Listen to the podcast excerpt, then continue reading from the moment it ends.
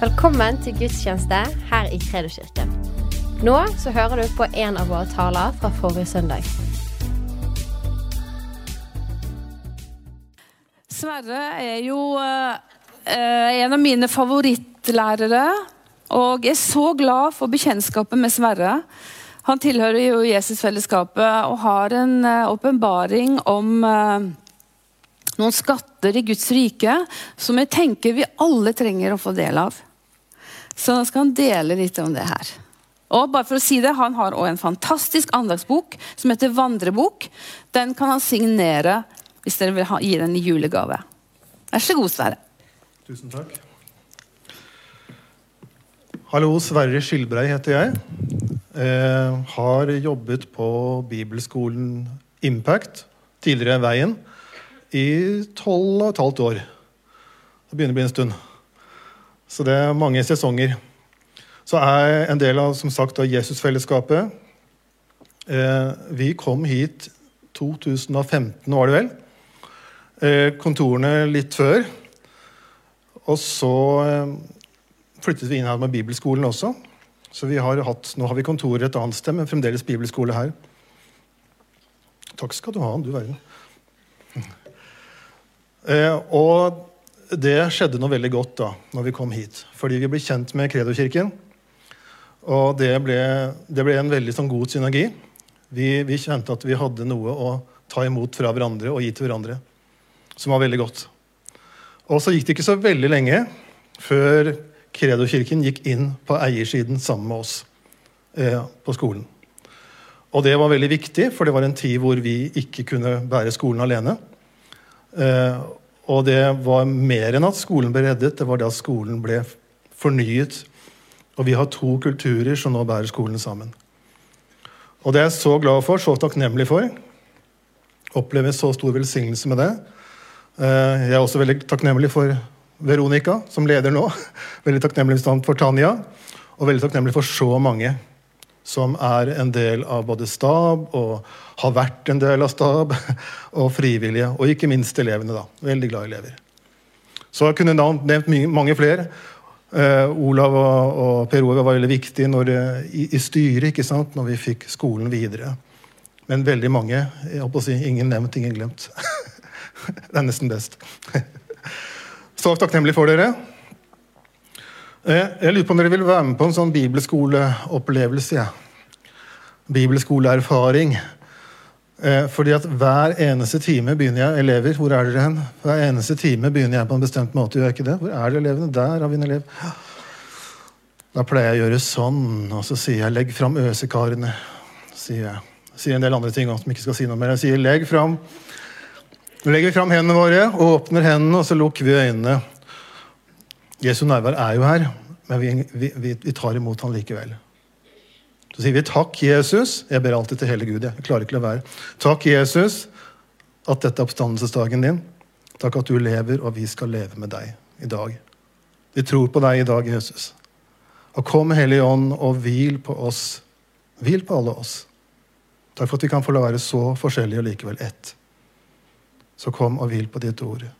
Og takk, Far, at du er alles far. Jesu navn. Jeg begynte med det som pedagogikk, med treenigheten, og så fortsatte jeg, for jeg kunne ikke la være for min egen del. Det er så fint å be til hele Gud. Alle Gud, kan man si det. Hørtes det rart ut? Skolen har vært gjennom mange forskjellige sesonger, mange forskjellige perioder. Forskjellige eiermenigheter, forskjellige rektorer og forskjellige stab. Men det er noe som er likt hele veien. Likt kan vi kanskje ikke si, men det er noe som går igjen hele veien, og det skal jeg prøve å si noe om i dag. Jeg har kanskje ikke sagt alt om meg sjøl. Jeg underviser mye om Bibelen. Underviser mye bibelfag på skolen, og så har jeg mye sjelsorg. Jeg er også en del av familiesenteret, eh, som flere menigheter står bak. Og så er jeg en del av ledergruppen i Jesusfellesskapet sammen med mange andre. Jeg har en sånn rar tittel som heter nettverkspastor. Ja. Så, men det handler om å ha omsorg i nettverket til menigheten og skolen. Men vi erfarer en ting hvert eneste år. Eh, litt karikert kan man si at en bibelskoleelev han kommer for å få litt mer av det han allerede har, eller hun. Kanskje gjør en viktig jobb i menigheten, og nå skal jeg få litt ekstra boost og lære litt mer, og så skal jeg videre sånn og sånn. Skal jeg få litt hjelp av denne skolen til å komme videre og, og liksom få litt mer ferdigheter og, og, og, bli litt tryggere i det jeg kan, og, sånt. Men så er det jo det med denne skolen at det, ikke, det blir jo litt sånn Det blir noe mer. Altså Det er veldig bra. Det er veldig bra å, å lære ferdigheter og få kunnskaper på skolen. Det er det mye av. Men det skjer ofte noe som nesten kan virke motsatt. Um, som jeg tror mange som har vært elever, kan kjenne igjen.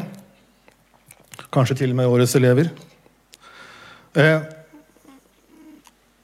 man kommer liksom inn i et sånt større rom.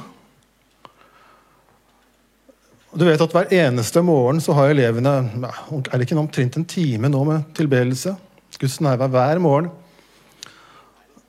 All undervisningen går ja til hodet, men like mye til hjertet.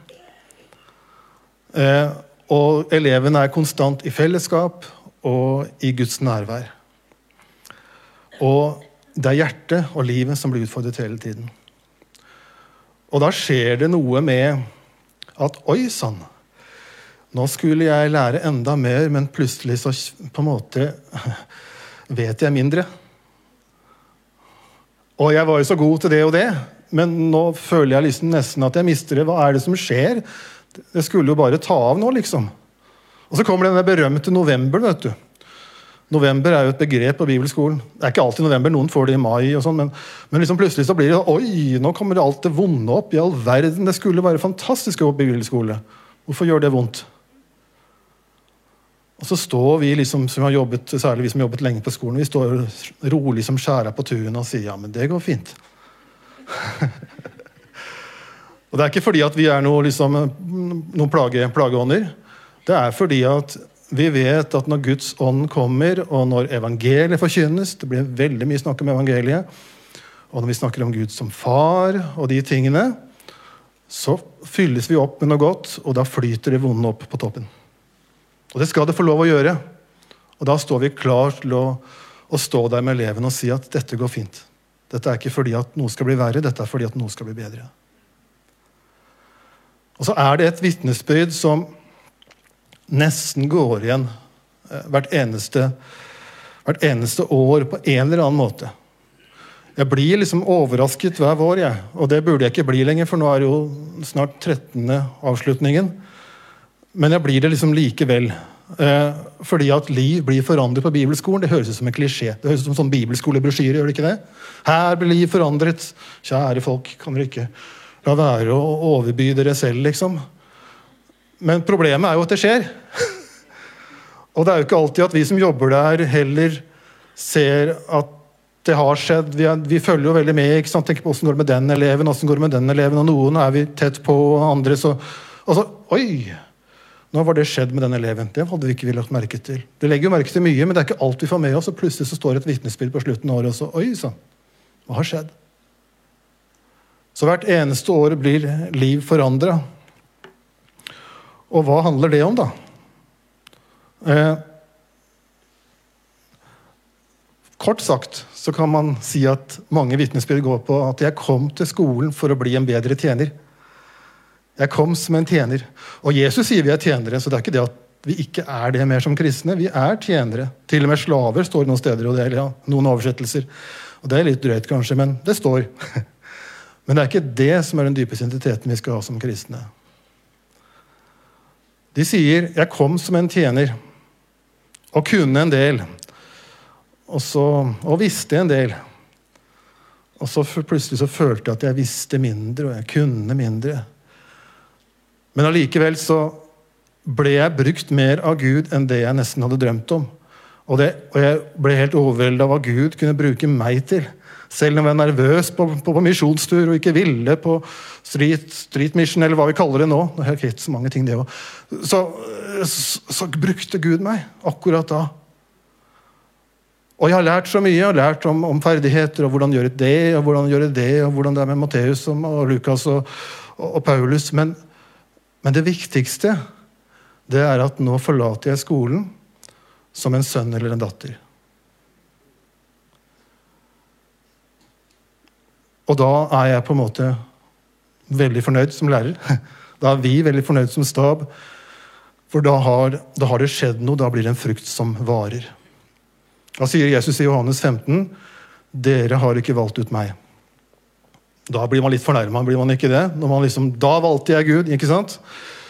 Ja, det, vi står på valg, alle sammen, til å velge. Det er greit. Men, men det er én som har valgt oss. Og og han som har valgt oss, han bærer bildet av far. Har dere sett meg, så har dere sett far, sier Jesus. Og det å være utvalgt som en sønn eller datter, det varer. For da skal dere bære frukt som varer, hvis dere kjenner det. Jeg tror det er Johannes 15, 20 står det det. Jeg har ikke valgt ut dere. Dere har ikke valgt ut meg, men jeg har valgt ut dere for at dere skal bære frukt, og frukt som varer.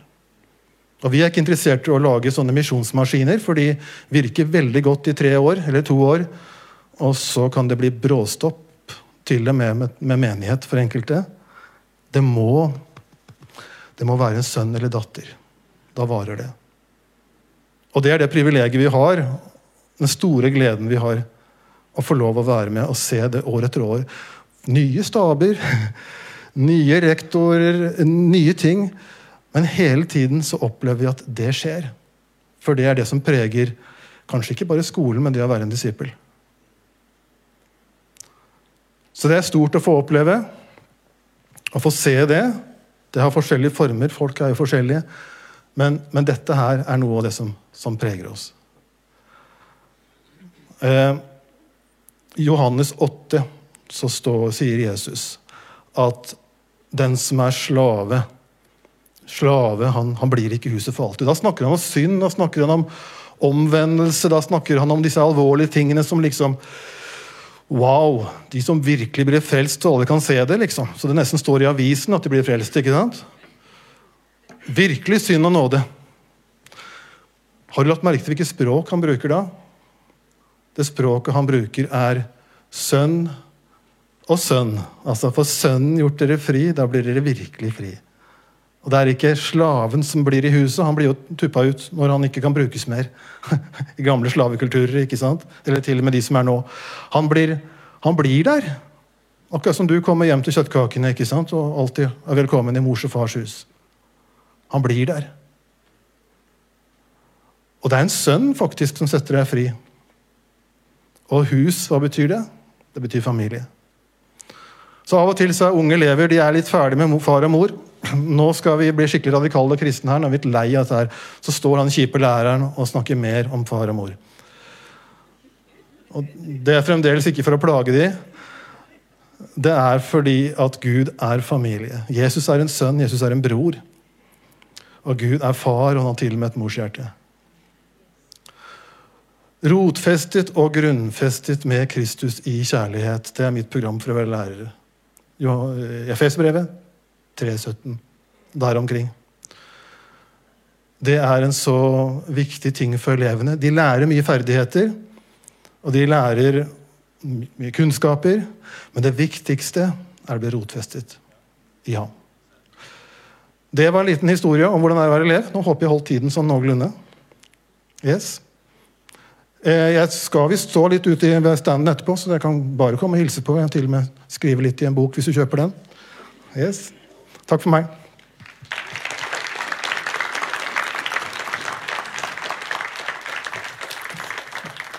Tusen takk, Sverre. Jeg tar den her andre. Var ikke det flott å høre på han? Han har du lyst til å høre på mer. Det lover jeg deg. Sverre, har du drukket av den her? Da tar jeg den. Sto den klar til meg? Halleluja. Å, takk og lov. Ja, jeg har med meg Bibelen. Og med bønnejournalen. Halleluja. De to viktigste tingene i livet mitt. Yes. Um, I all ydmykhet så skal jeg dele litt personlig med deg min reise denne høsten her. Men før jeg begynner med det, så har jeg bare lyst til å dele Det er jo snart jul. Og jeg så plutselig noe i Bibelen her som ble, jeg ble så grepet av. Eller jeg ble så berørt og tenkte wow. Uh, I Matteus 2, i vers 11 så står det Skal du bare høre.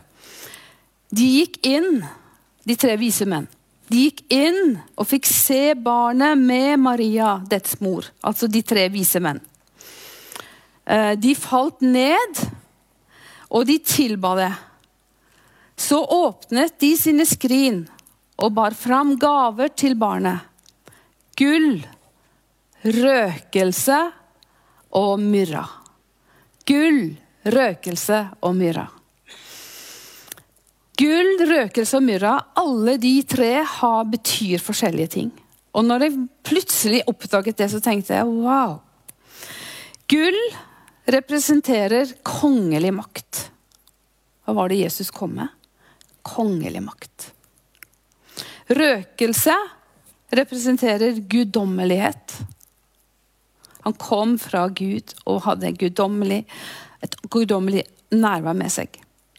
Og myrra, det er litt spesielt, for det betyr død og balsamering.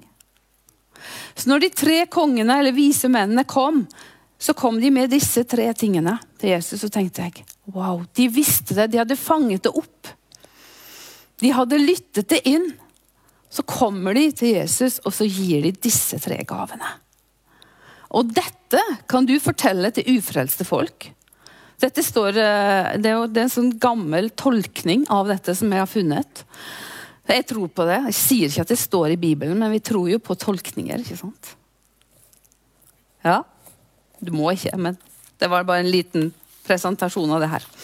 Dere um, Mandag 5. september da hadde vi besøk av en mann som het Mark de Pont og han ga meg en bok. Og tittelen på boken var 'Å bli Guds venn'. Og Han er litt sånn profetisk av seg, så når han kom med den boken, så tenkte jeg dette tar jeg. Og jeg bare kjente yes, Gud, jeg må inn. Jeg må dypere inn i dette vennskapet med deg. Sånn som Sverre sier? Så, så kan vi bli litt sånne Noen ganger så er det litt skummelt hvis du blir en mekanisk tjener. Det er skummelt. Det må vi passe oss for. Fordi vi må være så knyttet til Gud i alt vi gjør. Og jeg skal love deg at jeg kan ikke stå her uten å ha hentet det jeg skal gi. Da har det blitt tørre ord og gamle ting. Jeg må hente ut ifra kilden hver eneste gang jeg skal stille meg fram. Det må være friskt. Jeg klarer ikke det døde, tørre. Eh, da begynte jeg å, å, å, studere dette med å være en venn av Gud. Og eh, jeg kjente at eh, en, sånn, en dyp lengsel i meg liksom bare begynte å vokse etter. Jeg må kjenne deg, Gud. Jeg må, jeg må kjenne deg. Jeg må gjøre noe. Må, det må skje noe så jeg får kjenne deg. Og jeg, jeg har jo møtt deg. Jeg lever med deg. Men jeg må kjenne deg enda mer. Den lengselen som bare ble født der, bare skapte noe i meg. Og eh, eh Det ble en, en, eh, en, en, reise, kan du si. I Matteus 13, 23 så står det Men det frøet som blir sådd i den gode jorden, det er den som hører ordet og forstår det. Om vi hører og forstår, da bærer han frukt. Og altså avkastningen av ordet, når vi skjønner ordet, gir oss 100 ganger mer enn det ordet er. Du kan gange det med 100 ganger. Så å kjenne Gud for meg blir å dykke enda mer inn i ordet og notere enda mer hva Gud sier. Det har vært min reise denne høsten. Så det var Skal vi se datoen? Jeg hadde jo skrevet det så fint her, og der var det. Tre, fredag 23. september en merke, var en merkedag i mitt liv. Da begynte jeg 100 dager i Secret Place. Altså 100 dager i lønnkammeret. Og de 100 dagene skulle gå da fra 23. september til nyttårsaften. Og da hver eneste dag Ikke det at jeg ikke søkte Gud før hver eneste dag, for jeg gjorde jo stort sett det. Men jeg, jeg ønsket sånn å kjenne han. Sånn at han kunne forvandle meg. Og så tenkte jeg jeg må gjøre noe konkret. Og jeg deler dette med deg, for jeg tror det kan hjelpe deg i å kjenne Gud. Sånn at du kan ta noen bestemmelser på en regelmessig å søke Han. For det er det som forvandler oss. Og dere vet at jeg fikk dette møtet med Gud i 2015. ikke sant? Men dere, mange av dere vet ikke de månedene før hvor Gud jobbet intenst på meg. Og det hadde jeg ikke bedt om. Jeg hadde ikke invitert han til det, men han bare jobbet, og han dro på meg. Og jobbet og jobbet disse tre månedene hele tiden. Sånn intens, intensiv jobbing. Og jeg tror ikke at jeg hadde vært forberedt til å ta imot gjennombrudd og friheten hvis jeg ikke hadde hatt de tre forberedelsesmånedene som Gud visste at den trengte jeg. Men i de månedene vet du, var mye kjøtt og flesk. Ikke sant? Det var mye greier i meg da som bare sant? Og menighet og alt. Jeg hadde mye stakkar Olav måtte høre på all denne klagingen min.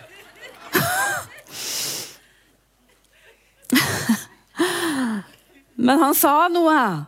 Når du kommer løs, Tanja. Han så noe i meg som ikke jeg så.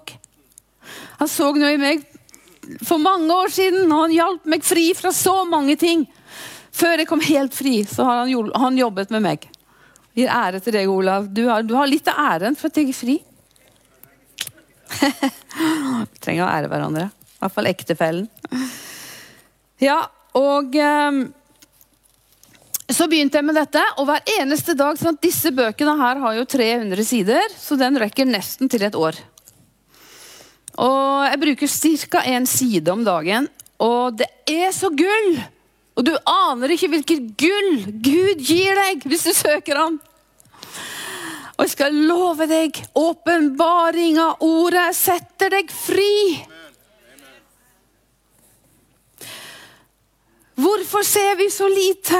Jeg, jeg, nå snakker jeg om mitt eget liv. Hvorfor ser du så lite, Tanja? Jeg må dypere inn i ordet. Jeg må mer inn med det, Gud, for jeg vet at det er det som forvandler meg. Jeg må. Så hører du liksom må, må, må. Men for meg så er det en lengsel her. Det er ingen som driver og pisker meg og sier liksom hjemme eller Olav, så kom deg ned på bønnerommet, nå må du be. Han trenger ikke si det, fordi at når jeg først kommer ned, så drikker jeg meg full. Så det renner over. Å, det er så godt. Det levende vannet. Mm. Du aner ikke hvilken smak det er på det. Du aner ikke det levende vannet. Når du begynner å drikke med det, så vil du ikke ha noe annet. Da kjenner du hva som bryter deg ned, og hva som bygger deg opp. Og hva som gir deg liv.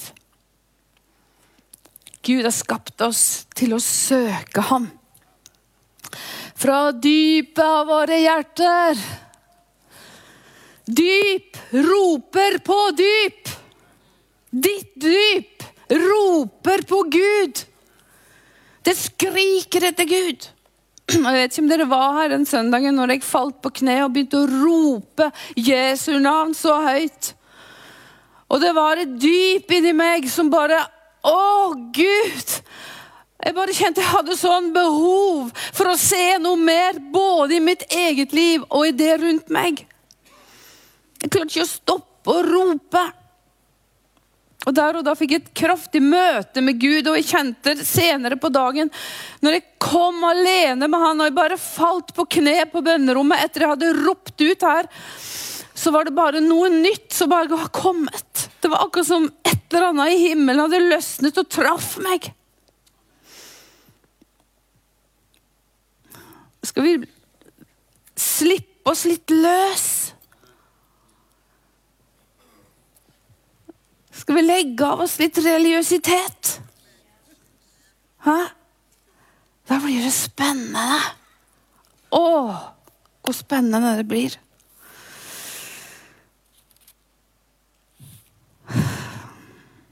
100 days in the secret place. Var ikke det en fantastisk setning? Skriv den opp.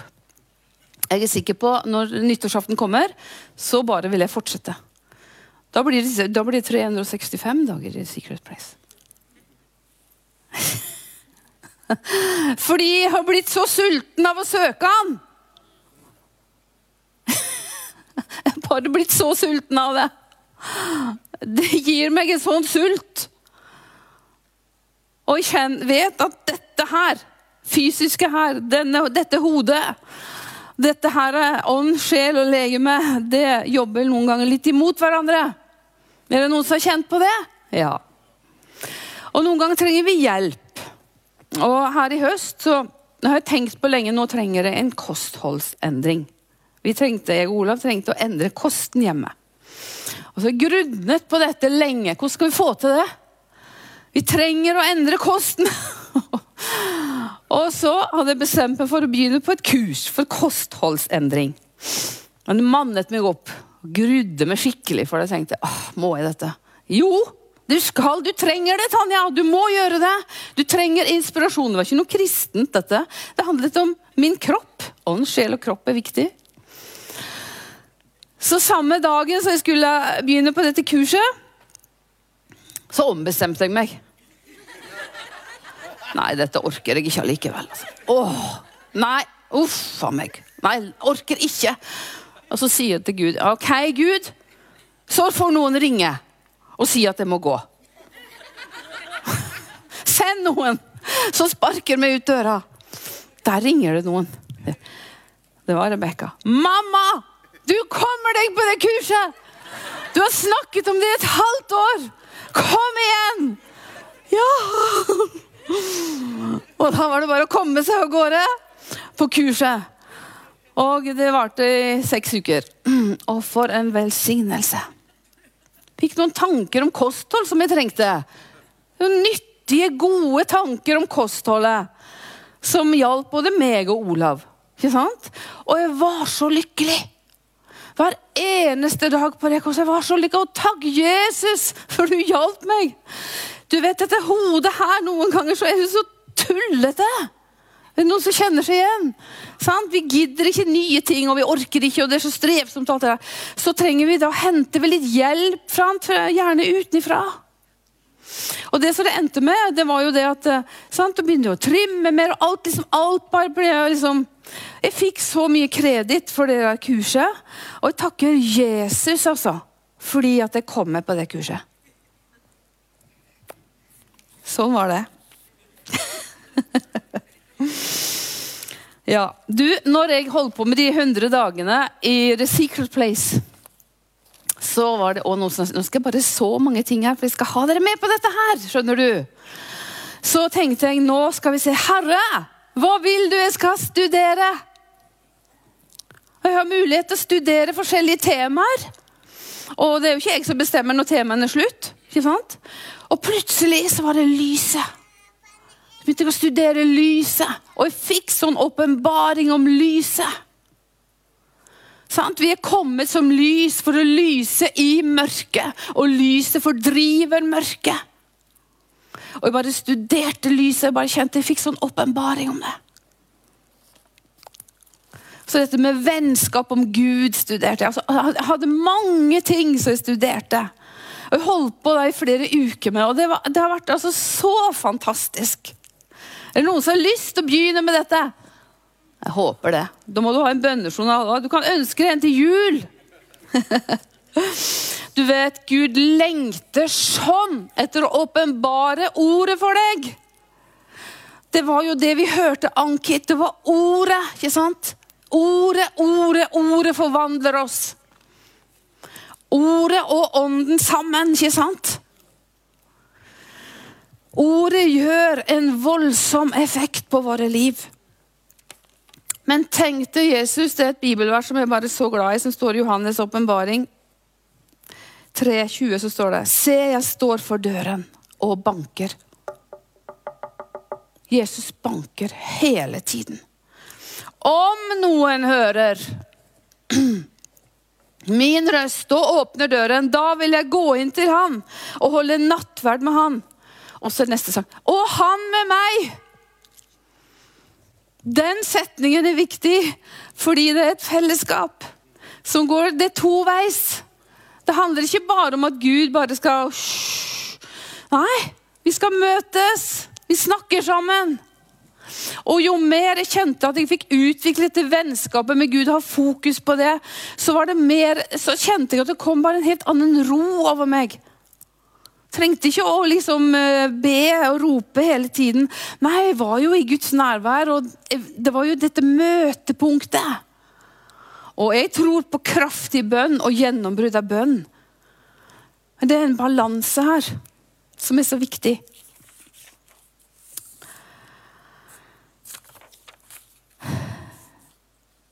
Du vet eh, Den røsten som Gud har, som han drar på oss med, den lengselen den forstyrres veldig mye av vår stress og uroen som er i samfunnet, og, og jobbene våre og alt vi holder på med. Vi må passe på å få stillhet. Vi må lage rom. Nå kommer dette 'må', så Olav sier. Du skal ikke si 'må', sier han til meg. Vi snakker sammen etter vi har prekt. Så skal jeg si det, da. Du bør. Det var penere. Du bør sette rom og plass til Gud. Du bør. Hvorfor bør du? Fordi det forvandler deg, og du trenger det. For du, de, der fins en tyv som stjeler disse stundene. Som skulle forvandle deg. Som skulle fylle deg Å, Herre, hjelp oss å være stille for deg. Å, hjelp oss å være lyttende til din røst. Jeg ber for hver eneste en her inne, Herre. Å, røve våre hjerter, Herre. Dra oss inn til deg, Herre. Og gjør det bare sånn som du kan gjøre det, Herre. Og rør ved våre hjerter dypt, dypt, Herre, i dag. Jesus. Jeg kan få opp et bilde her. Um, Hvorfor trenger jeg skal ha, Jeg har to ting som jeg vil bare dele. Hvorfor jeg trenger dette dype forholdet? Så Det sa jeg jo først at uh,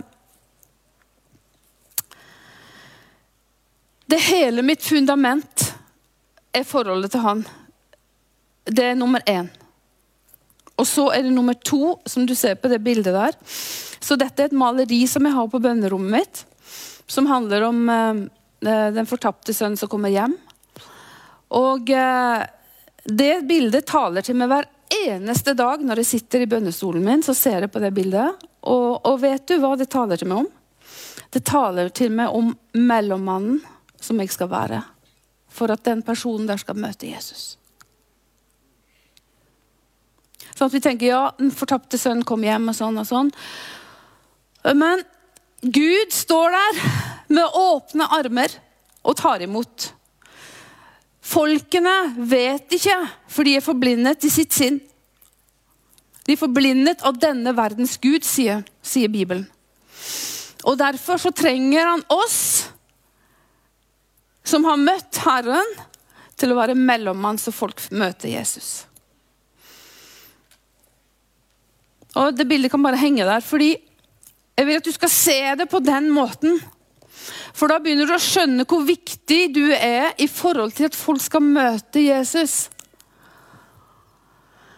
Og jo mer du søker Han, jo mer du er inni Han, gjennomsyres av Han, jo mer hørsel, bedre hørsel får du, så du klarer å, å lytte inn. Å, der er noe der. Nå må jeg be for dette. Nå, å Gud, send engler inn i den situasjonen.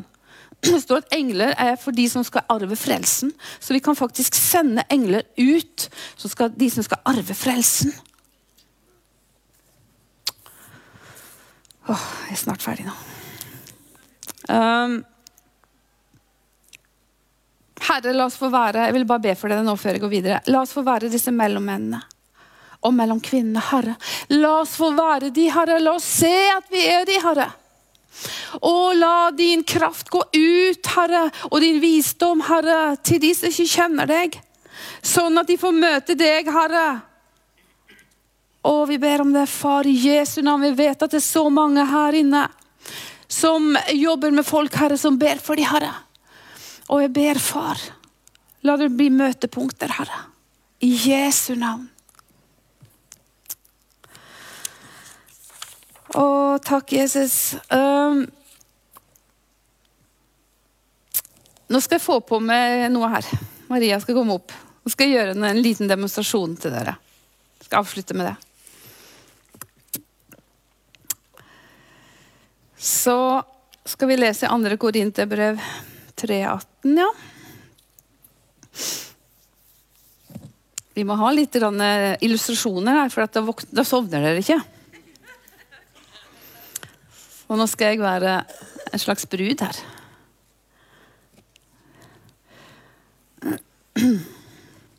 Ja. Maria var veldig mye finere med det her enn meg. Det er hennes brudeslør. jeg hadde ikke sånn langt slør, jeg, skjønner du, så jeg måtte låne hennes. og giftet meg. Um, jeg bare tar det foran sånn. Så jeg opplevde at jeg hadde et slør så jeg ikke fikk Jeg klarte ikke å se sannheten klart. Det var et slør som var imellom meg og Gud. Så åpnet det seg opp. Ordet åpnet seg opp. Og sløret ble tatt til side mer og mer. Når ordet åpnet seg opp Nå skal jeg feste den her. Så så jeg at jeg var en brud. Det var Jesu Kristi brud. Og jeg vil kjenne brudgommen. Jeg vil kjenne han før jeg møter han. Jeg vil gjøre meg klar til å møte han. Vil kjenne han. Men hvis dette sløret er her sånn hele tiden sant? Jeg trenger åpenbaringer for å se han og kjenne han. Og da tar jeg bort sløret. Så vet jeg da at jeg er en brud. Jeg er jo en brud når jeg har det foran meg, men det, bare, det, blir bare en helt ny sånn Et eller annet som bare reiser. Jeg er jo en brud. Oi, jeg skal jo gjøre meg klar til å møte han. Og hvorfor skal jeg ikke da bruke masse tid med han? Og det er jo det vakreste som fins. Å få være sammen med brudgommen før du gifter deg. Hallo! Det er mange som har giftet seg her, som vet den tiden der er veldig spesiell. Andre Korinterbrev 3,18 står det. Men når de vender om til Herren, blir sløret tatt bort. Jeg vender om til Han. Så blir sløret tatt bort. Jeg vender om, jeg går inn i ordet. Jeg går inn i samfunnet, og sløret blir tatt bort, står det. Så står det videre, men vi som er utildekket ansikt Ansiktet skal ikke være dekket til. Ser Herrens herlighet som i et speil. Og vi blir alle forvandlet til det samme bildet. Fra herlighet til herlighet, som er Herrens ånd.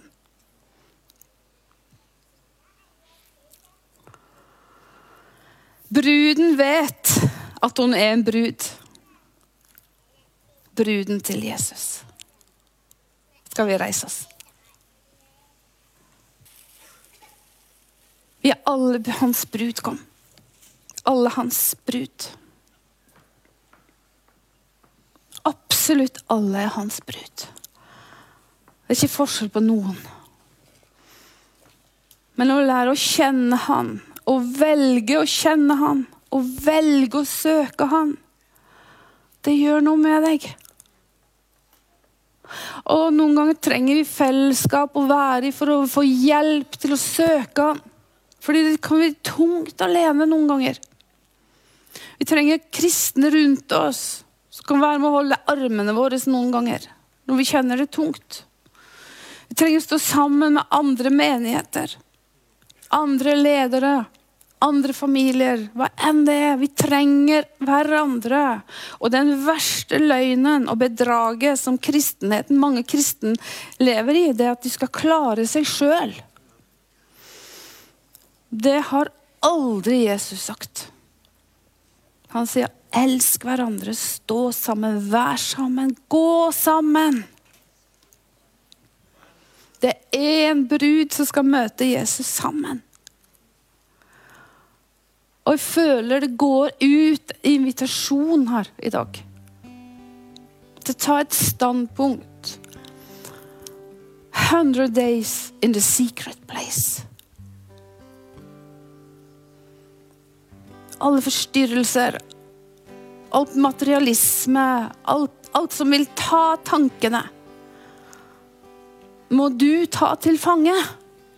Og jeg våknet med dette ordet i dag tidlig.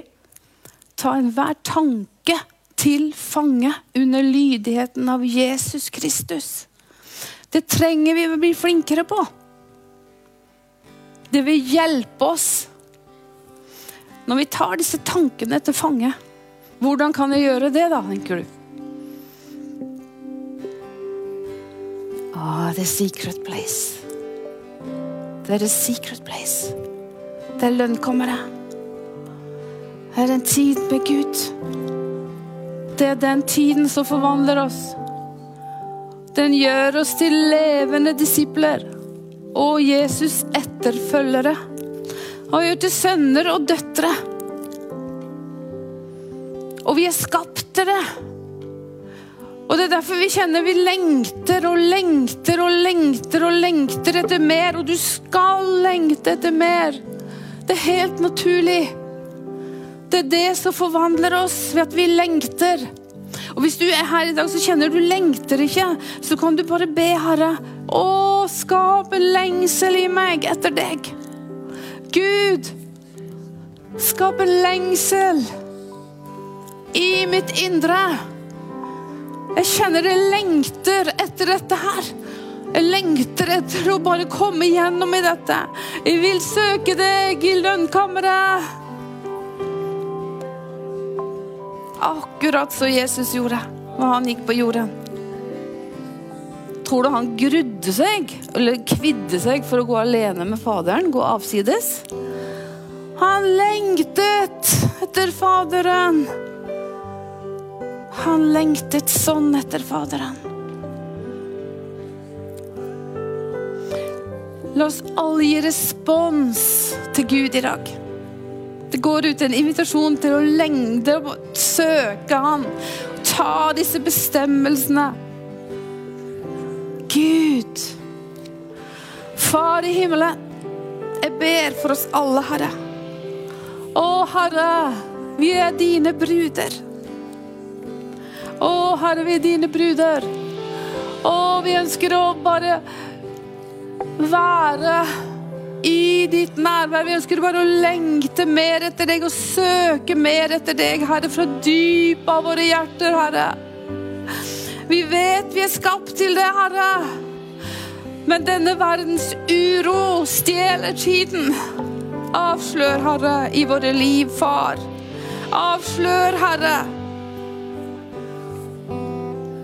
Avslør det som stjeler oss, Herre. Stjeler tiden fra oss, Herre. Far i himmelen. Kom over ditt folk, Herre. Kom over ditt folk, Herre. Kom over ditt folk. Tusen takk for at du lyttet. Følg oss gjerne på Instagram og Facebook, og så snakkes vi neste uke.